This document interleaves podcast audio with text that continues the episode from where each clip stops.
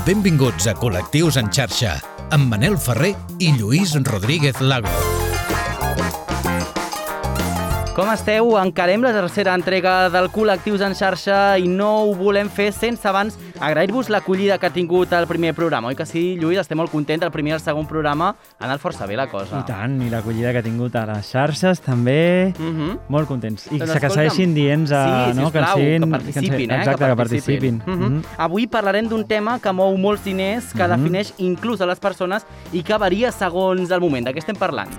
Estem parlant de moda. Uh -huh. Mm, Perquè, Manel, tu creus que la manera de vestir te pot ajudar a definir-te o a expressar-te com ets? Jo diria que sí, però amb trampa. Amb I avui trampa, descobrirem la trampa amb un capítol molt ingeniós, perquè això ens quedarà molt bé. El Carles Soler, el nostre tècnic de so, ens ajudarà que quedi molt Mhm. bé, perquè nosaltres ara direm avui al Col·lectius en xarxa segona, planta, moda. moda. Estàs escoltant Col·lectius en xarxa. amb Manel Ferrer i Lluís Rodríguez Lago.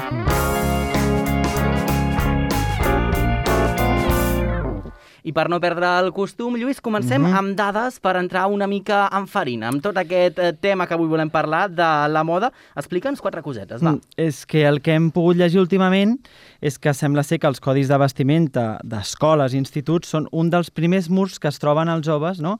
quan Mhm. volen mostrar-se en societat a través de la manera de vestir. Per exemple, llegíem que Trevor Wilkinson va ser expulsat del seu institut de Clyde, Texas, per dur les ungles pintades. Mhm. O Skyler eh, Davis, un nen de 13 anys de Kansas que ha estat expulsat del seu centre per dur un bolso. O Romeo Clark, eh, un nen britànic de només 5 anys que ha estat expulsat de l'activitat extraescolar que feia perquè hi anava amb una disfressa de princesa i, segons els organitzadors de l'activitat extraescolar, no hi podrà tornar perquè, en paraules textuals, confon els altres nens. Mhm. Però, de fet, Lluís, el més bo, suposo, d'aquestes notícies, malgrat la part negativa, Mhm. és que són nens de 13, 5 anys, és a dir, que sembla que les noves generacions que Exacte, pugen sembla, neixen molt sí. més lliures, Exacte. malgrat després l'entorn que es troben, no? Uh -huh. Sí, sembla que bueno, tenen aquestes famílies també que són Que més ajuden, joves, eh? no? Sí. que ajuden, que els Mhm. ajuden a, a créixer amb més llibertat, però segueixen trobant- trobant-se amb aquest topall de la societat que Mhm. no els deixa acabar de ser I a més, inclús amb persones que es dediquen a l'ensenyament i a l'educació, això, no? que en això, principi l'escola hauria de ser un entorn segur, Segur, i amable no? per a aquests nens. Mm. -hmm. De vegades sembla que no ho acaba de ser. Mhm. Alguns famosos, va, alguns famosos que també ja eduquen els seus fills eh, segons les peces de roba que els agraden i no pas per si representen a un gènere o un altre. Per exemple, el fill de l'actriu Charlize Theron va dir-li un cop que no era un nen i que era simplement persona i a partir d'aquell moment la seva mare va recolzar-lo perquè vestís com volgués, malgrat les crítiques, com dèiem, que Mhm. això li produïa. Megan Fox va compartir una imatge a les xarxes on es veia el seu fill vestit d'Elsa de Frozen i les xarxes van linxar-la per complet assegurant que no era oportú i ella va respondre que el seu fill es vesteix sol i que per això sempre es posa el que més li agrada. Jo crec que també, A no?, que veure que els nens amb el seu armari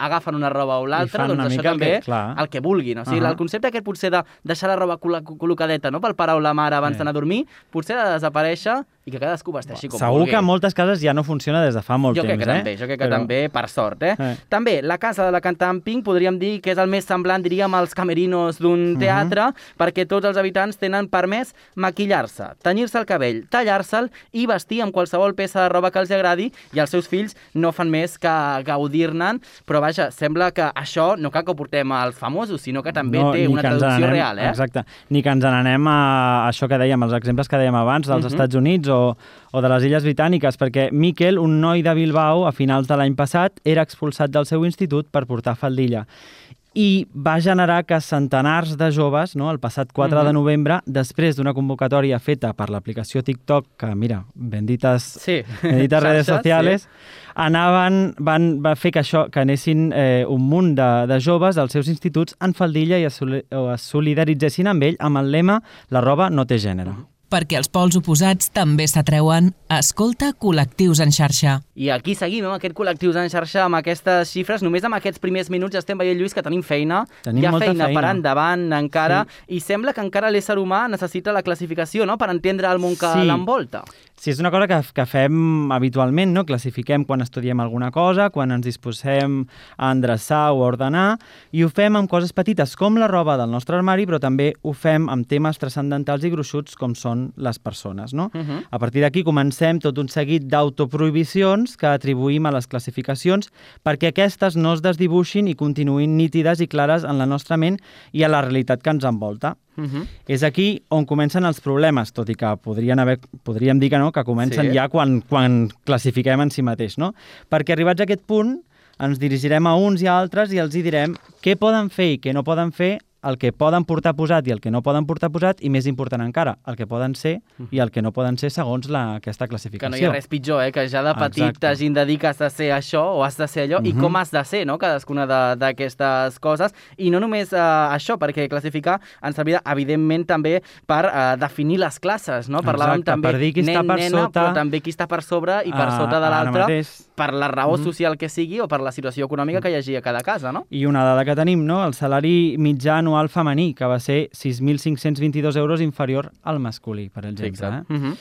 Però la perversió del fet de classificar ens permetrà també dir qui té més drets i qui en té menys. Encara hi ha molts països al món amb lleis contra les persones homosexuals, però si ens quedem a la Unió Europea, Bulgària, Bèlgica, Eslovàquia, Eslovènia, Grècia, Hongria, Letònia, Mhm. Lituània, Polònia i alguns països més no permeten el matrimoni entre persones del mateix sexe o l'adopció per part de persones del mateix sexe, amb, entre d'altres, les repercussions jurídiques i administratives que suposa tot plegat. També hi ha temes menys transcendentals, però que Sí. també són importants per això, A tu Lluís. t'agradava la sèrie Ali McBeal? Jo era molt fan, sí. Jo era sí. molt fan sí, d'Ali McBeal. també? De fet, el protagonista de la meva novel·la Sí. sent música Ah, sí, al seu veritat, cap, és veritat, és igual veritat. que l'Ali Sí, sí. McBeal. Sí, sí. Doncs la sèrie d'Ali McBeal s'emet per primera vegada el 8 de setembre de 1997 i en aquella sèrie, no sé si ho recordes, Manel, Mhm. els lavabos no tenien És classificació. veritat. No es classific... Tothom anava al lavabo allà mateix, no?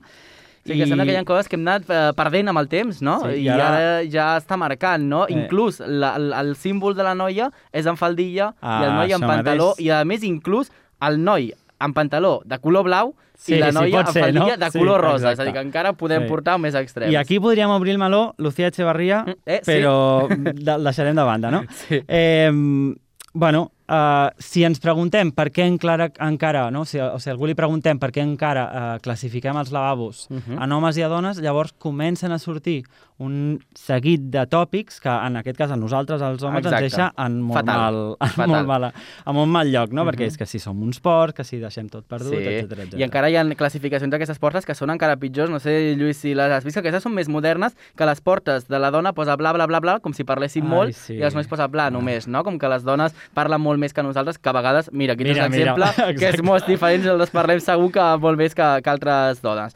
En el món de la moda també existeixen grans firmes que ja s'han sumat a aquesta corrent de crear peces sense definir el seu gènere, el que també es coneix com unisex o genderless, que això Mhm. ens agrada també aquesta definició, i amb la mort del mític Karl Lagerfeld, tothom creia que moriria l'entusiasme per demostrar que la roba no té gènere, però per sort algunes marques l'han seguit i es van Mhm. fixar en el que ell va començar fent aquesta llavor. Per exemple, Chanel compta amb una col·lecció protagonitzada pel cantant de la cançó Happy, en Pharrell Williams, i que sempre ha tingut un gran vincle tant amb Chanel com amb Lagerfeld també. Aquesta col·lecció inclou un total de 40 peces entre accessoris i peces i una col·lecció en la qual prevalen samarretes i dessuadores amb estil urbà i esport amb colors vius, amb brodats i diferents estampats i també a la selecció d'accessoris doncs, compta amb bosses de mida XL, guants, cinturons, cadenes, sabatilles d'esport, ulleres i fins i tot peces amb, amb perles. No? El 2016 Louis Vuitton va triar Jaden Smith, fill de Will Smith, segur que recordeu Sí, aquesta tant. campanya, per fer una promoció d'una campanya segurament femenina i on eh, d'alguna manera fita en la història de la marca que des d'aquest moment s'uniria al fenomen genderless, no? És a dir, que nens, nenes, grans, adults eh, poden fer servir qui vulgui la Una mica peça que més gènere. escalgui, no? Mhm. La dissenyadora d'Eversir eh, va fer un pas més enllà en aquest procés de, de construcció de la barrera de gènere i en l'any 2017 la seva signatura va llançar una col·lecció de peces intercanviables per a ell i per a ella i la seva web és única, com dèiem abans, Mhm. fèiem l'exemple dels lavabos de noi i noia, doncs en aquest web tot és unisex. Tot és és a dir, no hi ha ell, ella, hombre, mujer, tot va a la Avui mateixa mida. tema, eh? Sí, i també si busquem algú més a prop, eh, per exemple també el dissenyador cordobès Alejandro Gómez Colom, vamos, Palomo Spain, realment el Ah, coneixeu, sí, que és el seu nom original, també aposta pel gènere fluid i des de l'any 2016 mostra la seva primera col·lecció Orlando inspirada en el personatge literari creat per l'escriptòria Virginia Woolf i en aquest cas doncs, també fa servir diferents peces Mhm. eh, que no tenen gènere i després Zara, Pull&Bear i altres marques doncs, també han fet amb campanyes molt més petites, No, hem de dir, eh? incursions molt justetes, molt no? justetes, sembla que per justificar una mica, per Sí, poder que la siguem sí, avui a la sí. secció, no? Però sí que han fet alguna petita inclusió perquè els tinguem aquí amb nosaltres i d'aquí uns minuts, de fet, Lluís, parlem amb una marca de Barcelona que Exactament. ja estan treballant en aquesta línia d'una manera Ah, doncs, això. molt més àmplia i obrir una mica també aquest camí. La discriminació que jo vaig veure era que jo de petit jugava a futbol i hauríem tenir uns 10, 11 anys, potser eren petits, i va arribar un noi nou i, bueno, aquest noi anava sempre amb les ungles pintades, no sé què, i, i sempre se l'atacava dient-li que era maricón, una nenaza, etc etc i que no podia jugar a futbol bé com la resta. I, bueno, la gent es ficava bastant amb ell i amb el pas del temps sí que és veritat que, bueno, va demostrar que òbviament podria fer esport com la resta, de fet era un dels millors i ja eh, aquests insults i de més van, van anar menys, però sí que és veritat que sempre se'l seguia mirant raro i etc perquè al final vestia diferent, amb les ungles pintades i la resta no. Segueix-nos a les xarxes. Busca'ns i recupera tots els nostres programes, imatges i vídeos exclusius. Col·lectius en xarxa. A Twitter, Instagram i a les principals plataformes de podcasting.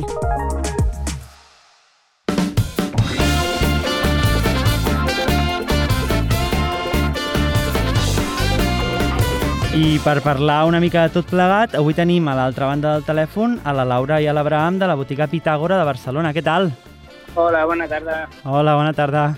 Escolta, eh, a la vostra web dieu que feu moda unisex i que a Pitàgora, no, en paraules textuals, el gust s'imposa sobre el gènere. Com neix a- aquesta iniciativa? A veure, no, no neix directament amb la idea de, de, de fer una marca genderless, però bueno, es va començar fent una marca d'home, vale? i resulta que la nostra roba es, es, es venia també eh, per dona. Llavors, bueno, a, per aquesta causa, no, van començar a fer adaptar els patrons, adaptar la, la roba que fèiem per, per no i dona, sense cap tipus d'iniciativa prèvia de, de, de fer-ho així, però que va sorgir i, i vam, vam veure que era una iniciativa molt, molt més enllà de, de lo que era vendre roba, saps? Mm -hmm. En tot aquest eh, projecte, Abraham, que veu començar a fer, a obrir una mica doncs, aquest camí, què és el que us veu trobar? És a dir, veu trobar més marques, més referents en aquest sentit, que ja apostaven per eh, aquest eh, concepte unisex, o veu veure que encara hi havia molt mercat per descobrir? Eh, a veure, nosaltres vam, vam començar el 2012, Uh -huh. mm, quan vam trobar que aquesta part de, de vendre roba a dones també, eh, a dones, a homes per igual, Mhm. era, era pel 2012-2013 a mitjans més o menys. I, i aquest, no hi havia res que, que podíem fer com jo anava als tallers i als patronistes i deia és que tinc aquest pantaló perquè sigui igual per no i dona i era com molt estrany mm Mhm. no, no, no, hi havia, no hi havia molta bueno ens basàvem una mica de, de que era ropa militar i tot això que, que va molt adaptada a talles i Mhm. podíem fer-la servir per no i dona, saps? No era, no... I, i, No, no havia referents. I tu creus que en un futur no molt llunyà més botigues es podrien eh, adherir a aquesta manera de fer? Tu creus que és la tendència, és cap on ha d'anar el futur de la moda? Eh, tindria que anar per aquest, per aquest, eh, per, per, Per aquesta via. la moda Mhm. unisex, sí. Mhm. però, però em sembla que comercialment Uh -huh. eh, ven més, eh, eh, bueno, monetàriament és millor fer home, home o dona. És una qüestió de, de negoci i d'economia. Sí, jo crec que sí. Uh -huh. Però, eh, a veure, el millor seria que, que fos eh, per, aquest, per aquest camí no? de, de, de roba unisex. Uh -huh. Però em sembla que, que monetàriament és, és millor fer les dues, les dues, les dues opcions. Clar, segurament hi haurà moltes uh, d'aquestes marques o d'aquestes grans empreses mm, es basaran amb, amb els diners, no? Amb què poden aconseguir més diners o guanyar uh, menys diners. I una dels altres uh, excuses que posaran, perquè al final sempre són excuses, és que lògicament doncs, uh, aquesta manera de fer el tallatge, de posar uh, la talla de la roba, doncs segurament no és igual al cos d'un home o d'una dona, però realment vosaltres esteu demostrant que eh, és totalment compatible i que una peça la pot portar qualsevol persona, sigui home o sigui dona. És a dir, que al final es poden trobar solucions, si es volen. Bueno, no, no, no ens podem treure mèrit perquè és una cosa Clar, molt clar. difícil. Mhm. Molt difícil, Uh -huh. però es pot fer, però bueno, nosaltres ens dediquem a això, no? És Mhm. com si busques Pitàgora, és, ja, ja vens buscant una, aqu aquesta filosofia. Clar. Eh, dediquem molta estona a la roba i a, i a com l'hem de fer perquè sigui possible aquesta, aquesta opció de, de, de, bueno, opció o, o, o no opció, perquè sigui possible que la porti un, un noi o una, o una noia o, sense cap problema. Almenys perquè existeixi aquesta oferta, no? Sí, Mhm. però és això, és un treball i és una búsqueda de, de, de cada cosa que posem ha d'anar al seu lloc perquè, perquè pugui ser així. Clar. Però és, és, és difícil, és difícil. Eh, nosaltres a la primera part del programa hem llegit algunes dades i hem comprovat no, com els joves estan participant de moviments que també tenen com a, com a lema no, que la roba no té gènere. No? Què en penseu d'aquestes iniciatives? Per, eh... per Eh. exemple, al principi del programa parlàvem de- d'aquests moviments estudiantils que es van donar aquest any passat. Les faldilles, Ah, no? sí, eh? D'anar als instituts amb, amb faldilles, eh, que els nens anessin per alguna manera a reivindicar. Eh, què et sembla? Això també ajuda d'alguna manera a visibilitzar aquest camí que heu començat vosaltres a obrir? ajuda, ajuda a, a, a que sigui més... a que la nostra roba no sigui tan estranya, diguem-ne. Clar. Vale? Però, eh, a veure, nosaltres al final també som comercials. Llavors, Mhm. és difícil eh, fer entendre de que eh, no, no, el nostre lema no és fer entendre que, la, que, que una faldilla, perquè s'ha dit sempre que sigui de dona, ha de ser de dona Uh -huh. nosaltres juguem a intentar que aquesta faldilla eh, sigui per noi dona. Uh -huh. Mm, jo què sé, faldilla pantaló... O... Hem, hem, hem intentat fer-ho, però encara no he trobat la manera de fer-ho. Però Ja. ja. et dic que, mira, justament la faldilla ja, ja hem fet proves per, per poder treure una faldilla eh, una faldilla adaptada. La, una, una mica és educar, tu creus, una mica educar també el públic que s'adreçarà a, a, la, a la vostra... Educar, entre cometes, eh? Ja m'entens. És, Sí, no, com- no, sí, justament això, eh, eh, la pregunta que em feies abans, eh, et dic que, que, és, és bo Mhm. d'una manera que, que, que... A veure, no sé com explicar-ho. Que, que es faci, per exemple, eh, la iniciativa aquesta de, de que portin faldilla i tot això, Mhm. és bo per nosaltres Mhm. perquè perquè nosaltres podem vendre d'una manera més normal, diguem-ne. Més normalitzada, més quotidiana. Mhm. Clar, és que de fet, ara, Abram, i em va molt bé el que acabes de dir, perquè mentre preparàvem aquest programa feia la reflexió, és a dir, que al final aquesta classificació d'home o dona, nen, nena, com estan col·locats els estants de les botigues, eh, d'alguna manera eh, et fa una pressió social, no?, el fet de no comprar una roba, una peça de roba, si ets home, que estigui a l'apartat de dones, no? I, i inclús Sí. estàs agafant una roba i sembla que al final l'estiguis comprant per regalar, no?, per una germana, per una tieta, per una mare, no?, que al final també l'educació en gran part també passa per les pròpies persones, no?, que mm, està bé que les marques s'impliquin, però també tenim feina nosaltres com a societat. Clar, no, sí, sí, totalment. Eh, ens passa amb el de genderless o, amb, per exemple, les samarretes, que són talla única. Mhm. A nosaltres tothom ens diu, hòstia, és molt fàcil vendre-les per internet perquè no té talla. Mhm.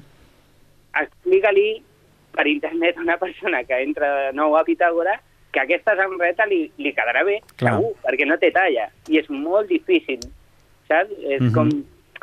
Bueno, ja m'entens, és, és molt difícil fer entendre algo que no, que no, que no expliquen altres. Mm, Que és, que, I també que és una mica incipient, no? que està començant, podríem dir, o, o no, no, potser no començant, però que està molt a les beceroles. Sí, sí. Home, i amb, amb tot això que ens, eh, ens expliques, jo també vull saber una mica la repercussió o, o la resposta que rebeu de, de la gent. No sé, les preguntes que us fa la gent, que us pregunta, perquè lògicament és un concepte molt nou que avui estem descobrint aquí en el Col·lectius en xarxa. Eh, també les reaccions, entenc també al principi, com deies el 2012-2013, que fa uns quants anys enrere, com van ser aquests inicis que us deia la gent per xarxes socials, per e-mail, per telèfon, quines reaccions veu rebre i el que és més important, si han anat canviant amb el pas del temps, és a dir, que la gent ho ha anat normalitzant amb el pas del temps. Eh, la veritat és que no. A veure, els, els clients que ja ens coneixen, sí. Uh -huh. I, I per molta sort que tenim, Pitagora eh, continua per, per aquests clients que, que repeteixen en, Uh -huh. en comprar una altra vegada perquè, bueno, la, la primera posició és molt positiva. Oh, que bé, no, el que feu, tal. Quan s'emporten la roba a casa i és una roba còmoda o és una roba que, que té una qualitat, repeteixen, saps? I, i pues, el, el camí que segueix el client sempre és molt positiu i, i hòstia, és, és el millor, saps? Uh -huh. el que més ens agrada, no? Mm. Perquè vosaltres també aposteu per aquesta qualitat i, a més a més, per una producció local no? I, i que tingui cura del medi ambient. Explica'ns una mica quin és el procés dels vostres productes. Sí, mira, això sí que vaig, des de que vaig començar a la marca, Mhm. eh, vaig començar pensant en fer una producció local, en Mhm. tallers d'aquí, eh, que tot estigui a la vora de, de, diguem-ne, de, de Barcelona i tot això. Uh -huh. I, i, i és, bueno, d'una manera també, no, era per fer una producció local, perquè tenir-la controlada, perquè era una producció petita al principi, no? Eh, això va anar creixent i, i, i al final, bueno, tenim una producció ens hem donat compte que tenim una producció bastant, mm, bueno, d'una unes quantitats bastant bones Uh -huh. i la podem seguir fent aquí. Però això repercuteix en que no tenim eh, costos d'envios, de, de, de combustibles, llavors és, és una producció eh, sostenible, diguem-ne, i el, el control que tenim a, a l'hora de la, dels tallers que, que, mm, on produïm i tot això, són tallers que nosaltres mateixos escollim. Clar. Llavors, no, eh, tota la producció està controlada. Mhm. I ja no parlem de, de, de lo que és de, de tares i tot això, que les podem controlar totes. Si hi ha Mhm. algun problema, es, es rectifica abans de que, de que s'acabi la, la, la col·lecció de fabricar i tot això. Uh -huh. Que bé. Abraham, amb tot això que ens explicaves eh, i que nosaltres ja ens estan donant moltes ganes també de provar alguna d'aquestes eh, peces que tens, per tant aquí en el col·lectiu de xarxa tens ja dos aliats de I les tant, vostres eh, peces de roba. Explica'ns una mica quines peces de roba teniu ara i amb quins productes esteu treballant. Eh, bueno, seguim renovant els models, ara, per exemple, traurem una, una sobrecamisa amb, amb uns teixits així de, de, de cotó, amb, amb, amb, amb tint sobre la, la roba ja fabricada, eh, alguna samarreta nova, els petos també li farem una mica de... de li farem unes modificacions als petos, i, i anar provant teixits nous, així cada vegada intentant agafar una qualitat més alta Uh -huh. i Que amb bé. el mateix preu. Doncs mira, eh, al final amb tot això que ens estaves explicant que nosaltres doncs, també eh, anirem descobrint, eh? la gent eh, com pot eh, comprar aquestes peces també suposo a través d'internet, a través del vostre web? Sí, eh, web pitagora.es, Uh -huh. eh, tenim tota la col·lecció, eh, ens podeu visitar personalment també al carrer Llull de Barcelona, Uh -huh. I dintre de la web eh, trobareu que tenim una, una secció de tendes, que és molt important per nosaltres, que són tendes on distribuïm la nostra roba. Uh -huh. Vale, està dintre de la web i, i llavors podeu apropar-vos a alguna tenda que us, eh, que us vingui de pas. Eh, hi ha tendes a Madrid, a, a Sant Sebastià, Bilbao, eh, València... Bueno, a, a, bueno, tenim 20 tendes en total. déu nhi Molt bé. Escolta'm, amb això que ens parlaves i, i ho, ho havia pensat amb aquestes eh, botigues que venen el vostre producte, que tenen el vostre producte, eh, com era aquest eh, primer contacte? És a dir, vosaltres heu buscat aquestes botigues, les botigues s'han interessat per oferir aquest tipus de, de producte i què és el que us deien quan l'oferíeu? Eh, és a dir, hi ha demanda per part de, dels empresaris per poder tenir aquest tipus de, de peces de roba? Pues la veritat és que sí, i cada vegada va en augment. Eh, Hi ha vegades que contactem nosaltres o vegades que ens contacten de, de les mateixes tendes. I, bueno, va creixent, Mhm. no ens podem queixar. Molt bé, doncs estem molt contents de parlar amb tu i veure I que aquest projecte va tirant endavant Sí. i que va funcionant. Espero eh, també, Abraham, que amb el pas del temps des del 2012 fins al dia d'avui, entenc que la cosa va bé, perquè si no són molts anys com per mantenir un negoci que no, no funciona. funciona, però entenc que eh, heu vist una evolució i per tant vol dir que potser estem més a prop a que d'aquí un temps, Lluís, no haguem de fer aquesta entrevista perquè sigui Perquè notícia, sigui no? més- que una marca, no? exacte, que una Ahà. marca ven roba per persones, simplement. Que en aquell moment eh, Abraham voldrà dir que ja estem aconseguint certa normalitat amb aquest tema. Sí, ho espero jo també. Molt bé. Doncs no sé si vols preguntar alguna cosa més, alguna curiositat que se't quedin al dia d'avui. Jo crec que ens ha explicat moltes coses i, i que ens ha quedat molt clar. Moltes gràcies, Abraham. I quan puguem veure'ns us anirem a visitar, Ah, eh? Us anirem a mateix. visitar i Això segur que d'aquí mateix. podem treure una nova entrega. Moltes gràcies. Gràcies. Que vagi molt bé. Fins la propera. Hem après moltes coses, Déu-n'hi-do, Lluís, avui, eh? eh? Amb el tema roba, tema concepte, dels on ens apassiona aquest, uh, aquest Sí. camí, i és Mhm. prou interessant tot plegat el que ens explicaven, i, bueno, ha feina per fer, però crec que tenim unes bones bases i gent com l'Abram i la Laura estan ajudant, eh? que Mm. Fixa't que passi. ens ha dit que és una mica la societat la que va fer Mhm. que ells eh, bueno, modifiquessin una mica la seva estructura de negoci. Doncs mira, i al final la, la societat ho dèiem, eh? que a vegades Sí. sempre posem la culpa als polítics, al, al, als diners, però a vegades també la gent tenim importància amb aquestes decisions I i amb això acabarem. Com sempre, acabarem amb música. I- sí. Presenta'ns el tema i per què l'has decidit posar avui en aquest programa Doncs- Segona Planta Moda. Doncs no podia faltar avui una cançó que es diu Sweet and Tie, vestit i corbata, d'un àlbum del 2013 que a mi m'agrada molt, que es diu 2020 Experience, del Justin Timberlake, Molt bé. i justament perquè parla d'això. Molt bé, doncs amb ell acabarem. Gràcies, Lluís, també a les vies de so en Carles Soler. Tornarem la propera setmana amb un nou programa i aquest ja el podeu recuperar a través de les xarxes I socials i, a través de totes les plataformes de podcast i a la vostra ràdio local. Que vagi molt bé. Adeu, fins la propera. She